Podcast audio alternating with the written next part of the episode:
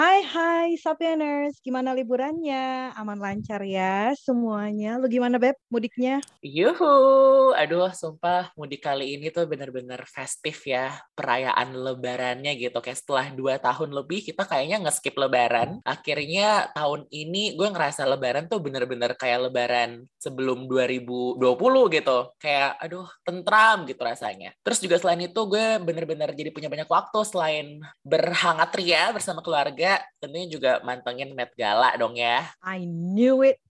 Asli kan entertaining banget tuh ngeliatin kostum para tamu. Bukan cuma para tamu yang datang open house, tapi juga para artis-artis dan selebriti tentunya. Mulai dari gaun Blake Lively yang bisa berubah warna, aduh sampai Billie Eilish dengan gaun berkorset Gucci hijau, pucat dengan messy hair look yang aduh gue ngeliat korsetnya aja sesek bun. But one of the most favorite tuh menurut gue Alicia Keys dengan gaun Ralph Lauren lengkap dengan jubah hitam berhiaskan berlian dalam bentuk landscape kota New York bun. Aduh itu gokil banget sih. Penampilan penampilannya juga banyak dipuji nih karena dinilai sesuai dengan tema Met Gala tahun ini in America an anthology of fashion. Wah, tapi semuanya itu Bun nggak ada apa-apanya. Masih kalah Bun sama pesulap favorit gue yang ikutan hadir kemarin. Waduh, nggak nyangka banget gue ternyata Pak Tarno ikut hadir di Met Gala. Sim Salabim jadi apa? Prok, prok, prok, prok.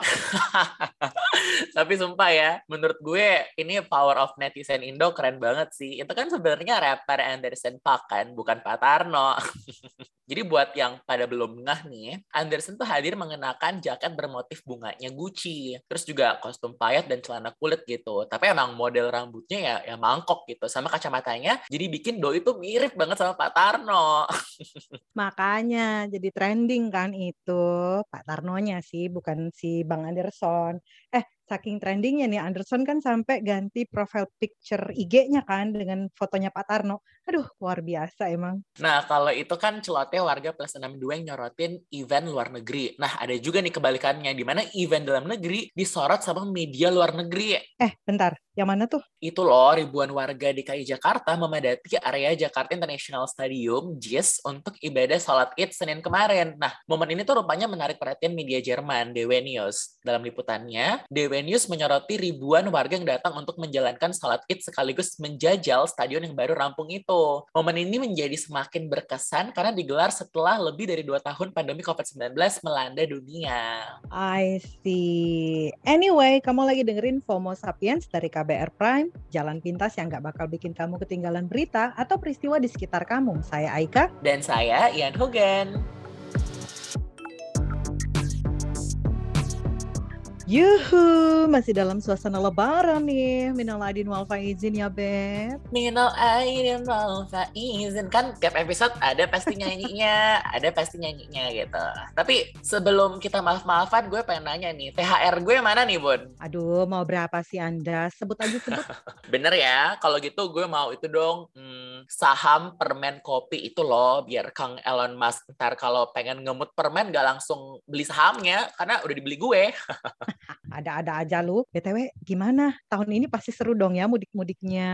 Asli seru banget. Ah, tapi nih Beb, kalau kita ngomongin soal mudik, kemarin kan kita udah sempat bahas tuh kalau yang mudik itu diperkirakan ada 85,5 juta orang tuh. Nah, kalau dari catatannya Jasa Marga, ada lebih dari 105 ribu kendaraan Kabataan yang meninggalkan Jabodetabek menuju ke timur. Itu tuh kayak ke Cirebon, Semarang, Solo, Surabaya, dan sekitarnya pada H-3 Lebaran. Nah, gokilnya nih, jumlah ini meningkat 165,5 persen dari lalu lintas normal periode November 2021 sebanyak 39 ribuan kendaraan gitu. Nah, angka ini memecahkan rekor sebelumnya, Bun, pada arus mudik Lebaran periode 2019 dengan volume kendaraan sebanyak 103 ribuan kendaraan yang meninggalkan Jabodetabek menuju timur. Wah, tapi emang banyak banget sih Bun yang mudik pakai kendaraan pribadi. Tapi nih, gue sempat nih lihat di TikTok yang video warga blokir jalan tol gara-gara imbas dari kebijakan one way itu. Bahkan nih yang mau ke bandara tuh harus relain tiketnya hangus gara-gara terjebak di tol. Aduh ini kasihan banget sih jujur ya sama warga yang mau ke bandara. Tapi ya mau gimana lagi gitu. Kan nggak mungkin tuh mereka gue jemput gitu pakai helikopter terus gue anterin ke bandara kan. Tapi anyway, mereka yang ngelakuin pemblokiran jalan tol ini sebagai bentuk protes karena mereka udah kesel banget nih harus terjebak di dalam tol itu sampai berjam-jam. Bayangin aja coba kena macet di tol Cipularang dari jam 1 pagi dan itu udah bener-bener tuh nggak bisa gerak gitu yang ke arah Jakarta. Makanya mereka pada protes dong dengan menutup jalan tol yang ke arah Bandung. Eh, tapi gue denger-dengar nih ya,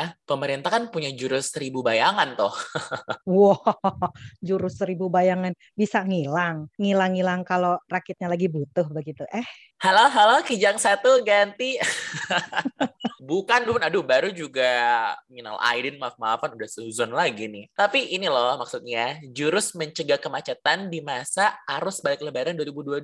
Ya, nggak sampai seribu sih sebenarnya. Ya, kalau sampai seribu beneran mah, gue pegel sih bacainnya. Jadi nih, cuman ada sembilan doang sebenarnya. Tapi gue mau ngasih tahu tiganya doang. Gak apa-apa ya, Sapieners. Apa aja tuh? Boleh dong dikasih tahu ke Sapieners juga. Yang pertama nih ya, penambahan jumlah kapal di sejumlah pelabuhan. Jadi Direktur Jenderal Perhubungan Darat Kementerian Perhubungan, Budi Setiadi, menyebut ada kurang lebih total 53 kapal siap beroperasi pada musim arus balik. Jadi kapalnya ditambahin gitu. Terus yang kedua, menggiring kendaraan masuk ke rest area jalan tol bila kemacetan sudah melebihi jarak sekitar 1 km hingga 4 km. Jadi mobilnya diarahkan ke rest area. Yang ketiga yang terakhir, menyiapkan penjualan tiket di luar areal pelabuhan Bakauheni seperti di JTTS kilometer 87, kilometer 48, dan kilometer 20. Ini tuh demi mengantisipasi penumpukan. Nah, contoh loket di luar pelabuhan ini adanya di beberapa restoran gitu, di antaranya di Rumah Makan Alam Mutiara, Rumah Makan Siang Malam, dan untuk di Lintas Timur ada di Rumah Makan Tiga Saudara. Ah, I see. Nah, pemanfaatan penjualan tiket di luar area pelabuhan Bakauheni ini bagus sih ya. Jadi masyarakat tuh yang mau beli tiket bisa sekalian mampir makan dulu gitu. Apalagi yang beli tiket hari H itu kan jadi bisa sekalian beli makanannya dijadiin bekal terus dimakan pas udah jalan di atas kapal gitu deh. Ember, jadi juga nggak ada penumpukan di depan loket gitu kan sebenarnya. Nah. Tapi nih um, kalau gue ya pribadi gue tuh kurang sih sama uh, yang poin kedua tadi yang akan menggiring kendaraan masuk ke rest area kalau kemacetan udah menumpuk gitu. Gimana kalau kemacetan terus bertambah tapi yang di rest area tuh nggak bisa keluar juga kayak kasus yang di tol Cipularang itu mungkin yang di dalam rest area enak ya, tapi yang masih berada di bahu jalan tol kasihan juga kan, belum sempat masuk ke rest area, tapi ya gimana lagi gitu, balik lagi ini kan pasti udah dipikirin dengan baik ya sama pemerintah. Hah, at least they have tried their best gitu. Ya sama lah kayak kita kita yang udah melakukan yang terbaik ya kan demi menjaga keamanan bersama agar kasus COVID-19 ini nggak naik lagi bun. Takut-takutnya nih ntar malah ada klaster baru dari pemudik kan nggak lucu lucu, Bun. Aduh, jangan sampai deh. Lagian kan kita juga udah pada divaksin kan. Bahkan nih, yang mudik itu diwajibkan sampai vaksin booster loh. Jadi semoga aman-aman aja ya Sapieners. Tuh, amin. Amin, ya robbal alamin. Eh, BTW nih, Kementerian Kesehatan, Kementerian Dalam Negeri, sama tim pandemi Fakultas Kesehatan Masyarakat UI kan sempat bikin survei uh, serologi nih Bun, akhir tahun lalu. Nah, dari data yang didapat, hampir hampir 90% penduduk Indonesia punya antibodi terhadap virus SARS-CoV-2 nih, penyebab COVID-19. Nah, sementara itu, Kepala Dinkes Kota Cirebon, Edi Sugiarto, ternyata doi lebih pede gitu. Nah, Pak Edi ini mengklaim kalau tingkat imunitas masyarakat Indonesia udah mencapai berapa coba? 99%. Nah, angka ini bahkan nih lebih tinggi daripada Inggris yang tingkat imunitasnya tuh 92%. Sehingga sekalipun kasus positif COVID-19 tuh naik, dampaknya tuh nggak parah. Gitu sih klaimnya. Ibaratnya kita dulu suka bahas tuh herd immunity ya, Say. Mm-hmm, ember. Tapi ya jangan sampai lengah juga kan. Mutasi virus kan, duh macam-macam gitu, Bun. Bisa lebih ganas dari sebelumnya. Tapi gue denger juga sih kalau sampai kasus naik lagi, pemerintah tuh udah nyiapin fasilitas kesehatan untuk mengantisipasi kenaikan jumlah kasus pasca mudik lebaran. Nah, Heri Trianto, Ketua Bidang Komunikasi Publik Satgas COVID-19, mengatakan rumah sakit Wisma Atlet masih siaga dan juga tempat-tempat isolasi terpusat maupun tempat-tempat karantina memang untuk sementara ini dihentikan operasionalnya, tetapi mereka tetap dalam posisi siaga gitu. Jadi jika sewaktu-waktu dibutuhkan sebagai tempat karantina atau tempat perawatan atau tempat isolasi pasien-pasien yang tidak bergejala gitu. Jadi pas dibutuhkan akan terbuka. Ia menjelaskan terdapat lebih dari 130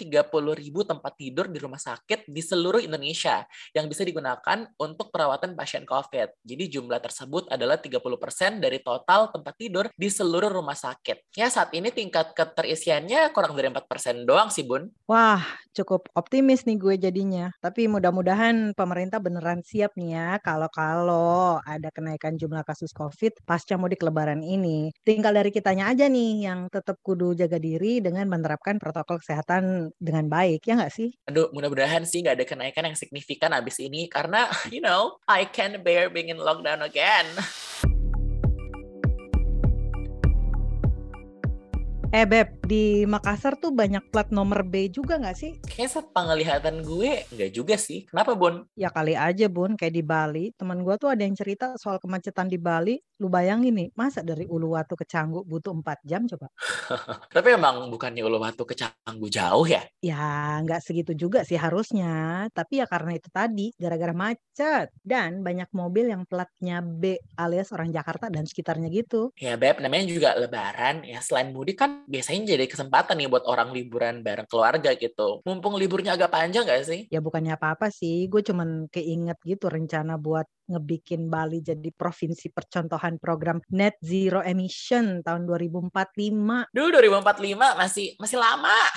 Kalau nggak mulai dari sekarang terus kapan lagi, baby? Lagian kan emang kudunya udah siap-siap ya kan? Tapi benar juga sih. Kalau Bali tanpa polusi asap kendaraan bermotor ya pasti makin baik sebenarnya kan untuk lingkungan. Terus juga ngurangin beban lingkungan di sana. Plus balik-baliknya ya jadi nilai tambah buat para wisata di sana. Iya nggak? Sepakat gue.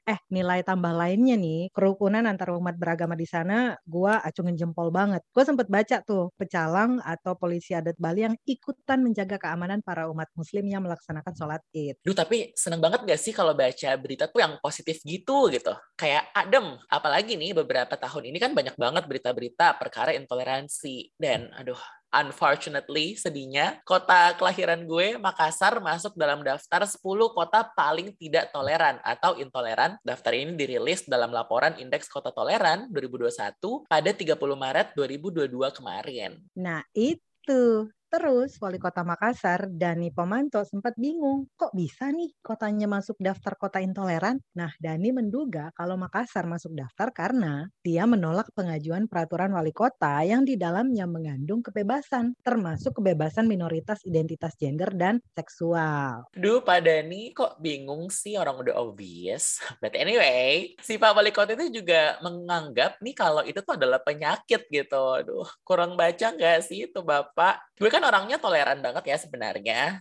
tapi gue nggak bisa nih mentoleransi yang kayak gini. Eh, sumpah gue baca teksnya gue juga emosi sih, say. Karena kalau dibiarin, virus atau bahkan pemikiran kayak gini tuh bisa lebih luar biasa lagi gitu menyebarnya. Ini menurut gue bukan hipokritnya ya. Karena kalau kita terus-terusan mentoleransi sikap intoleran, apa pun alasannya, menurut gue itu loh yang justru penyakit gitu. Tapi gue ngomong kayak gini bukan berarti ada selipan kebencian ya. Because I'm all about love. All about love. Love is number one. Tapi nih Beb, kalau di agama gue kan, ajarannya kan soal kasih ya Beb. Dan gue rasa itu bahasa yang universal juga kan. Semua agama kan mengajarkan kasih kan. Nah, makanya pas lebaran kemarin itu gue seneng banget pas baca kalau ada gereja yang membuka pintunya untuk jadi tempat sholat id. Gue taunya di Jakarta ada sih. Dan sempat viral juga kan kemarin fotonya tuh. Jadi kemarin itu pelataran GPIB Koinonia di Jalan Matraman Raya Jakarta Timur dijadiin lokasi sholat id bagi umat muslim. Aduh, sumpah sih tapi gue merinding banget kalau lihat foto fotonya. Kan ada tuh yang posting foto barisan para jemaat sholat id dengan hikmat gitu. Foto dari atas gitu, Bun. Keren sih itu. Tapi sebenarnya nggak cuma di Jakarta aja sih, Bun. Halaman gereja kayu tangan Malang, Jawa Timur itu juga jadi tempat sholat id kayak tahun-tahun sebelumnya. Terus ada juga nih gereja Kristen Jawa, GKJ Joyo Ratan di Keraton Kota Solo itu juga menyediakan pelatarannya untuk umat muslim beribadah sholat id. Ketua Takmir Masjid Al-Hikmah Kota Surakarta yang berdampingan dengan gereja itu sangat mengapresiasi apresiasi dan bilang kalau momen itu memupuk kebersamaan di tengah perbedaan. Nah, itu udah kayak semacam tradisi memang sih, karena tiap tahun lokasi yang sama dipakai untuk sholat id. Gue setuju banget sih, ini tuh sesuatu yang sebenarnya sebenarnya hal baik gitu yang perlu ditiru dan aduh semoga bisa dilestarikan deh sikap saling toleransi ini. Tapi sebenarnya yang gue sempat baca kemarin rame di Twitter, kalau kita mau ngomongin soal negara yang toleransi, kita tuh nggak boleh ngelihat ketika mayoritas diberi ruang gitu. Ini kan sekarang yang lagi merayakan hari rayanya adalah mayoritas gitu agama muslim. Jadi yang gue baca di Twitter itu sikap toleransi itu bisa diukur ketika justru minoritas yang sedang merayakan. Jadi semoga sih ini bukan cuma berlaku ketika hari raya muslim aja, tapi semoga event bukan agama muslim, mau hari raya Kristen, Buddha, Hindu, ini loh berdampingan tuh tetap ada. Setuju banget gue. Nah, kayak misalnya warga di desa Pringgodan ini di Sleman, Yogyakarta, mereka juga punya tradisi yang patut ditiru nih. Umat Kristiani di sana, mereka tuh biasanya bersalaman dengan jamaat salat id gitu. Jadi habis salat id mereka saling salam-salaman. Itu tuh ada tahu video yang unggah dan rame juga di Twitter. Oh, tapi jangan lupa, kelar salaman, cuci tangan. Bukannya apa-apa nih Bun, protokol kesehatan kan nggak boleh kendor ya kan? Biar bisa tetap makan nastar dengan hikmat begitu. tapi ngomongin soal makan-makan, bukannya ada imbauan yang nggak boleh makan-makan dari pemerintah? Nah, itu dia tuh. Kemarin kan ada yang cerita kalau pas unjung-unjung ke kediaman presiden dan disuguhi opor sama bakso ya kan? Duh, pantesan ya nggak ada bang-bang bakso depan rumah gue. Alhamdulillah ditarik ke sana semuanya. Berharap, Beb. Astagfirullah, knock on wood, Bun. Tok, tok, tok gitu. Terima kasih, nggak dulu deh. Gue berharapnya sih angpau aja, bukan bakso. Eh, tapi kue lebaran yang paling lo suka apa nih, Bun, kalau gue boleh tahu? Kalau gue, um, apa ya, gue suka nastar sih standar. Nastar sama putri salju. Ah, kalau gue nastar sama kastengel, Bun.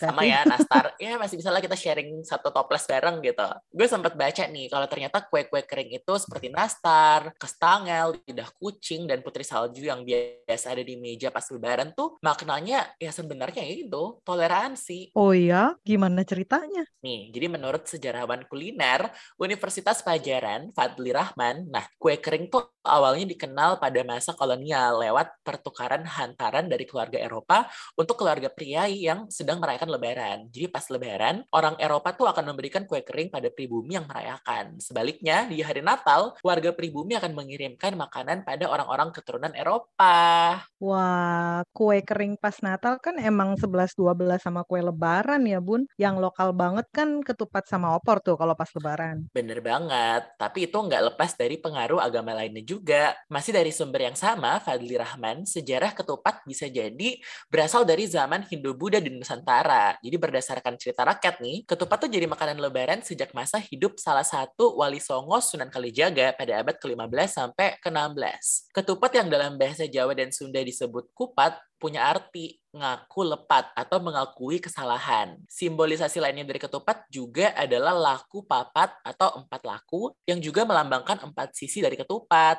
Wah ini kalau orang Jawa jelimet alias ribet ya kayak nganyam bungkus ketupat gitu. Emberan, tapi gue mempelajari ini tuh sebagai wujud kecintaan gue sama Indonesia gitu.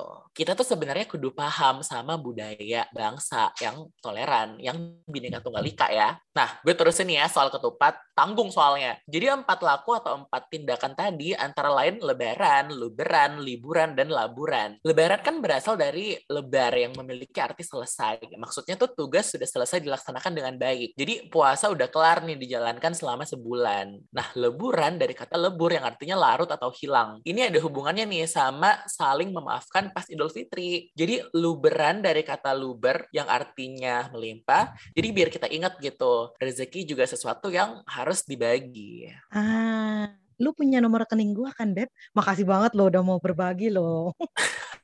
Dibaginya dalam bentuk zakat ya, Bun. Nah, terakhir nih lo stop potong-potong gue ya. Tadi kan ada laburan tuh. Itu asalnya dari kata labur yang biasa dipakai untuk membuat putih tembok. Jadi putih simbol bersih atau suci, hitungannya ya balik dari nol lagi. Wah, ini gue mes banget sih. Ada gunanya juga lu puasa kemarin, Beb. Ya, namanya juga usaha ya, Besti. Usaha apaan? Cari jodoh. Birah jodoh, Beb. Menjodohkan orang intoleran dengan keterbukaan pikiran dan kasih. Amin. Asik. Sini deket-deket sama mami biar ngerti itu apa sih itu kasih. Takut banget loh. Bun, hmm. tadi kan udah sempat nih ngebahas Met Gala gitu.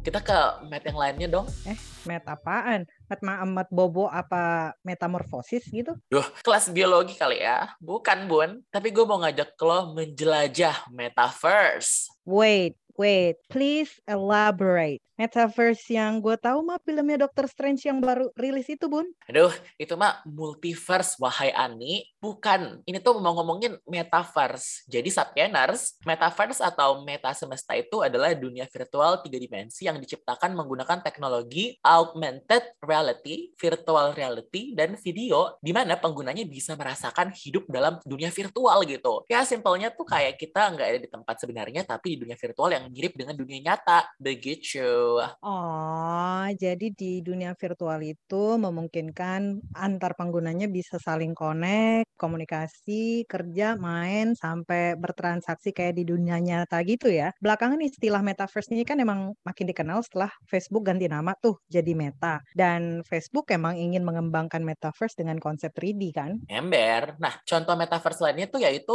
Microsoft yang telah menggunakan hologram dan masih terus mengembangkan aplikasi Mixed and Extended Reality reality atau XR. Metaverse yang lebih familiar bisa kita lihat di online gaming seperti game Epic dan Roblox. Wah, seru banget ya. Kebayang deh tuh kalau bisa hadir di Met Gala atau nonton konser musik di Metaverse gitu. Atau nih, yang paling make sense lah. Jauh banget mikirnya Met Gala. Apakah dengan adanya Metaverse nanti akan memungkinkan adanya WFH selamanya gitu? Jadi cocok nih untuk kaum-kaum rebahan, ya nggak sih?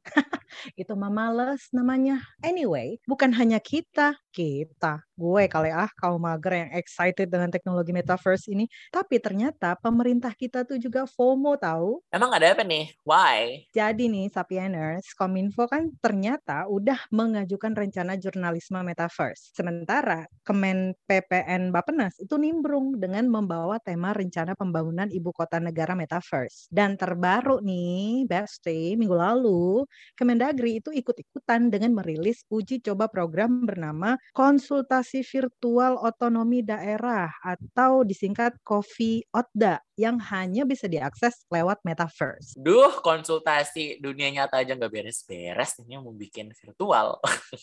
Tapi ini coffee OTDA biar apa sih? Biar futuristik gitu. Untung bukan coffee darat ya.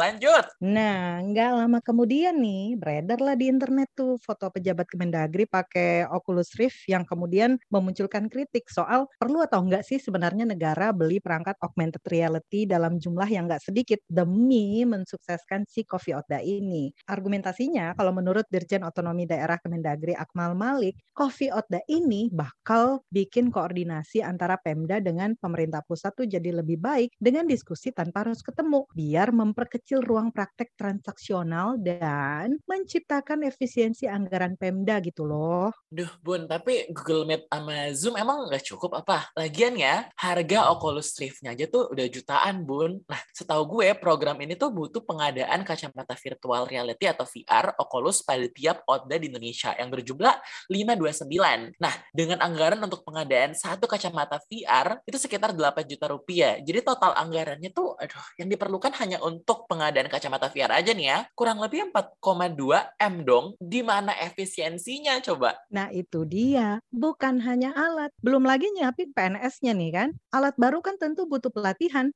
anggaran lagi. Well, bukan cuma kita sih yang mengkritik karena di dunia maya pun kritik terus bermunculan gitu, Bun. Misalnya, pakar keamanan cyber, Teguh Aprianto yang bilang kebijakan Coffee Oda menurutnya tidak lebih dari upaya pemerintah memanfaatkan teknologi sebagai celah melakukan pengadaan barang.